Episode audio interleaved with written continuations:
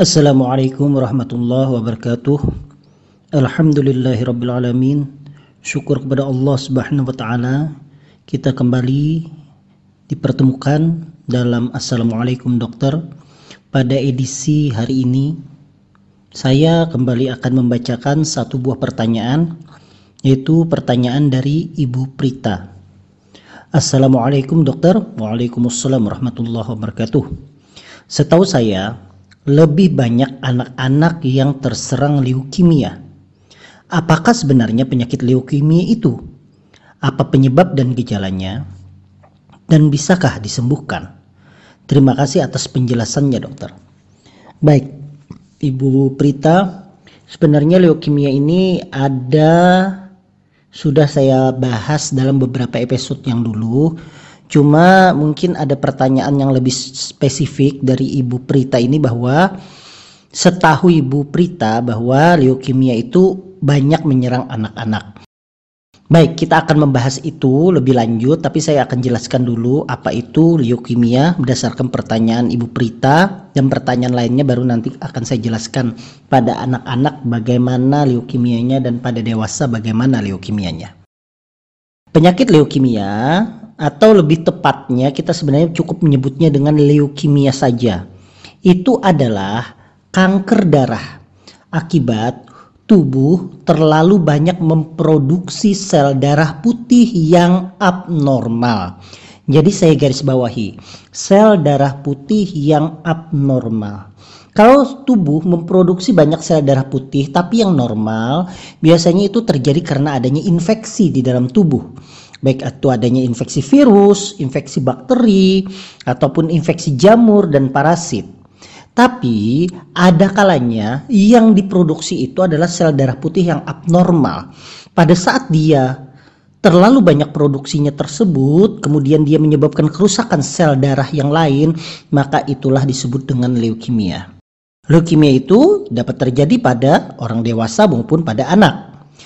Nah, sebenarnya sel darah putih itu merupakan bagian dari sistem kekebalan tubuh yang diproduksi di dalam sumsum -sum tulang. Ketika fungsi sumsum -sum tulang terganggu, nah ini terganggu ya, maka sel darah putih yang dihasilkan yang harusnya normal, dia akan mengalami perubahan dan tidak lagi menjalani perannya secara efektif. Yang tadinya dia diharapkan untuk kekebalan tubuh, yang terjadi adalah dia menyebabkan kerusakan sel darah yang lain, baik itu sel darah merah, baik itu keping darah atau trombosit ataupun misalnya kelenjar getah bening. Nah, leukemia ini pada gejala awal dia sulit terdeteksi karena gejalanya itu menyerupai gejala penyakit lain. Namun deteksi dini itu perlu dilakukan agar leukemia dapat cepat ditangani. Pertanyaannya, apa gejalanya? Baik, Ciri-ciri dan gejala leukemia itu pada awalnya sering kali tidak menimbulkan tanda maupun gejala. Gejala yang awal itu baru muncul ketika sel kankernya tersebut sudah semakin banyak dan mulai menyerang sel tubuh yang lainnya. Gejala yang muncul pun bervariasi, tergantung jenis leukemia yang diderita. Namun, secara umum, ciri-ciri penderita leukemia antara lain. Yang pertama, tubuh demam dan menggigil. Kemudian yang kedua, tubuh terasa lelah dan rasa lelah ini tidak hilang meskipun sudah istirahat. Kemudian yang ketiga, berat badan turun menjadi drastis. Kemudian yang keempat, gejala anemia artinya lemah, letih, lesu dan di, ketika diperiksa darah HB-nya turun. Kemudian yang kelima, akan terbentuk bintik-bintik merah pada kulit itu adalah perdarahan di kulit di bawah kulit itu biasanya penyebabnya karena trombosit yang turun akibat dihancurkan oleh sel darah putih atau leukemia tersebut. Kemudian yang keenam juga ter, bisa terjadi mimisan. Kemudian terjadi tubuh yang mudah memar. Nah, ini akibat juga trombosit yang rendah. Kemudian yang ketujuh, e, mudahnya terkena infeksi dan munculnya benjolan di, di leher akibat dari pembengkakan kelenjar getah bening. Nah, itu juga dikhawatirkan kalau itu adalah leukemia kalau itu terjadi. Dan juga dalam keadaan yang kronik bukan akut, itu perut terasa tidak nyaman akibat dari organ, baik itu organ limpa ataupun organ hatinya membengkak akibat leukemia tersebut. Ada lagi gejala yang lebih berat dapat dialami karena misalnya leukemia itu atau sel kanker darah putih itu menyumbat pembuluh darah di organ-organ tertentu sehingga gejala muncul misalnya sakit kepala yang hebat, mual dan muntah yang masif, kemudian nyeri tulang, kemudian bahkan bisa terjadi kejang sampai penurunan kesadaran kalau seandainya sel darahnya tersebut me, apa namanya menyumbat aliran darah ke otak. Nah, itu adalah gejala-gejalanya. Nah, sekarang pertanyaannya apa penyebabnya? Ya, leukemia itu disebabkan ya utamanya karena kelainan dari sel darah putih di dalam tubuh dan tumbuh secara tidak terkendali. Belum diketahui penyebab pasti dari perubahan yang terjadi namun ada beberapa faktor yang diduga dapat meningkatkan risiko dari leukemia tersebut.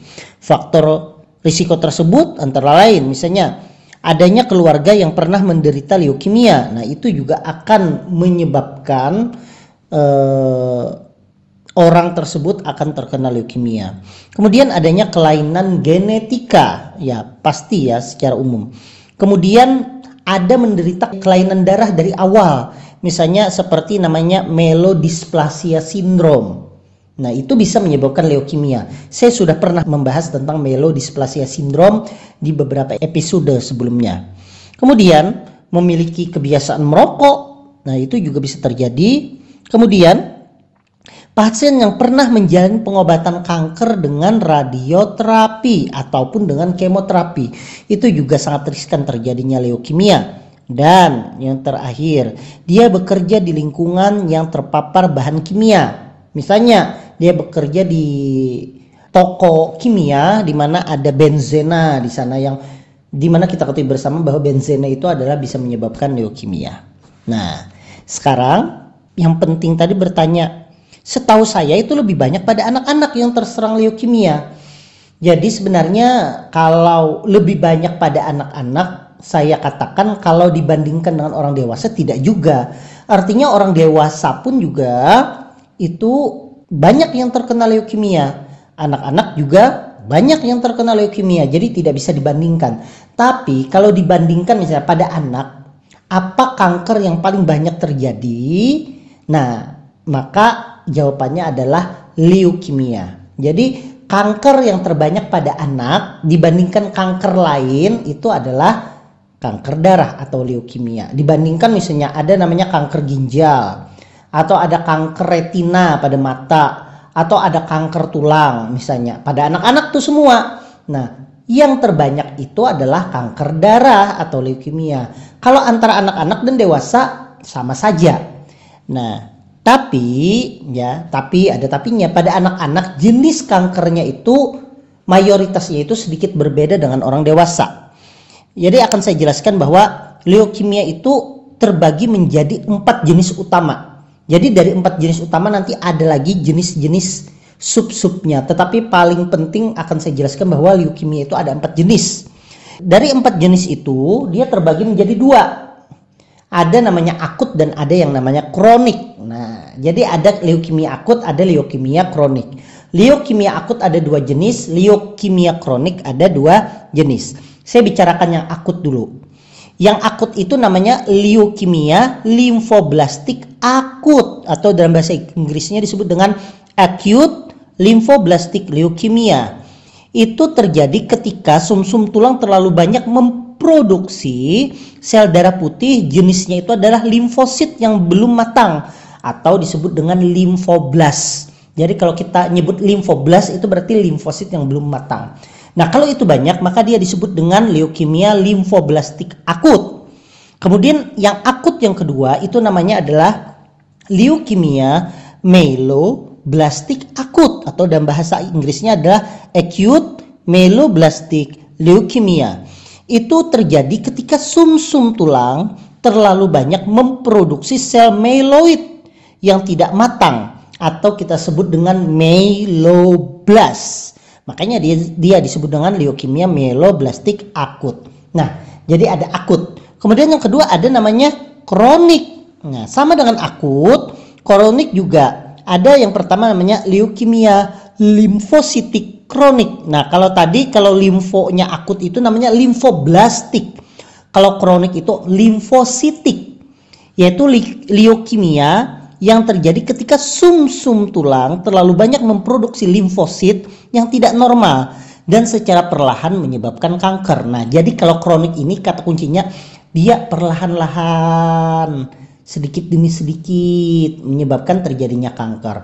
Berbeda dengan akut, kalau akut itu cepat, progresivitasnya sangat tinggi. Nah, yang kedua adalah namanya leukemia melositik kronik. Nah, kalau akut namanya meloblastik. Kalau kronik melositik. Nah, ini adalah leukemia yang terjadi ketika sum-sum tulang tidak mampu memproduksi sel mieloid yang matang Kemudian dia secara perlahan menyebabkan terjadinya kanker. Nah, pada anak-anak leukemia yang paling sering terjadi itu jenisnya adalah akut. Jadi ada namanya akut limfoblastik leukemia atau leukemia limfoblastik akut dan ada namanya acute myeloblastic leukemia atau leukemia myeloblastik akut. Nah, ini mayoritas yang terjadi pada anak-anak. Sifatnya adalah akut cepat sehingga pengobatan leukemia pada anak itu juga harus cepat. Dia dan dia itu di, dilakukan pengobatan tersebut oleh dokter spesialis anak khususnya yang membidangi bidang hemato-onkologi. Artinya yang mendalami bidang kanker darah. Nah, kalau pada orang dewasa itu merata. Bisa kronik, bisa akut.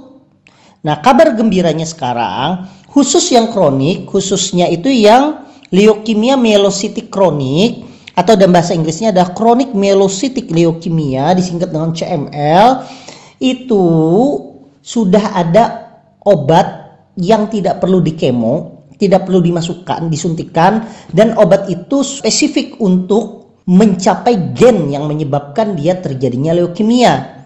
Nah, namanya itu adalah targeted therapy. Nah, jadi banyak sekali sekarang pasien-pasien yang CML atau leukemia melositik kronik itu yang remisi atau terkontrol dengan obat-obatan. Sedangkan pada anak-anak itu memang kalau akut itu tidak ada obat-obatan secara spesifik. Yang paling utama adalah dilakukan kemoterapi pada anak. Kemoterapi induksi namanya. Apa itu kemoterapi induksi? Yaitu sum-sum tulangnya dibuat uh, nol, tidak berproduksi dulu untuk sementara. Jadi diberikan obat kemo supaya sumsum -sum tulang tidak memproduksi darah. Tujuannya apa? Begitu dia dinolkan, maka seperti komputer, dia di restart. Nah begitu restart, maka komputernya menjadi baik lagi. Sama dengan tulang tersebut. Jadi sumsum -sum tulang itu dinolkan, kemudian setelah efek kemo itu selesai, dia memproduksi lagi eh, sel darah baik sel darah merah, darah putih, keping darah, dan lainnya. Diharapkan produksinya tersebut menjadi baik. Nah, pada proses seperti itu maka diperlukan bantuan sel darah di luar.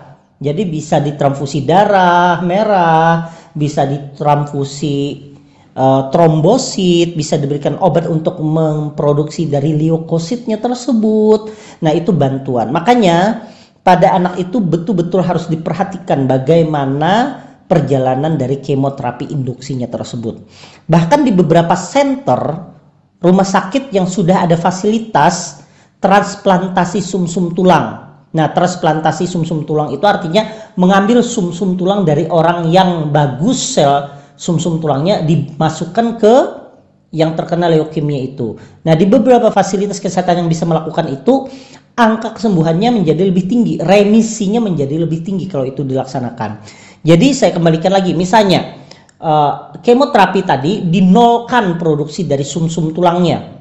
Nah begitu nol, maka dimasukkan sumsum -sum tulang dari orang lain yang bagus dengan harapan sumsum -sum tulang yang diambil dari orang lain yang normal tersebut itu merangsang atau menstimulasi sumsum -sum tulang di tubuh pasien tersebut supaya memproduksi sel yang sama yang normal seperti yang dimasukkan. Jadi namanya cangkok sumsum -sum tulang, istilahnya seperti itu. Nah, jadi benarnya apakah ada pengobatan ya ada pengobatan tersebut. Bisa pengobatan yang betul-betul untuk menyembuhkan kankernya seperti yang tadi saya katakan, katakan misalnya kanker uh, kronik limfositik leukemia uh, itu ada obatnya.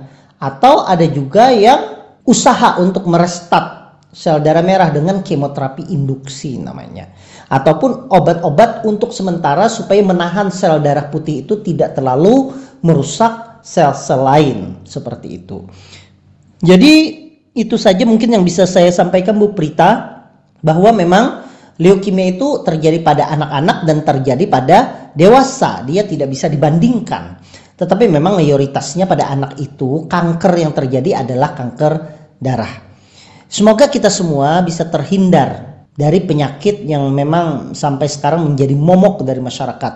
Kita, anak-anak kita, keluarga kita maupun handai taulan kita. Andai pun diberikan cobaan dengan sakit ini, semoga kita bisa menjalaninya dengan sabar dan digugurkan dosanya dengan sakitnya tersebut. Saya doakan kita semua dalam lindungan dari Allah Subhanahu wa taala dan kita menjadi pribadi yang selalu bersyukur atas ketentuan yang diberikan oleh Allah Subhanahu wa taala.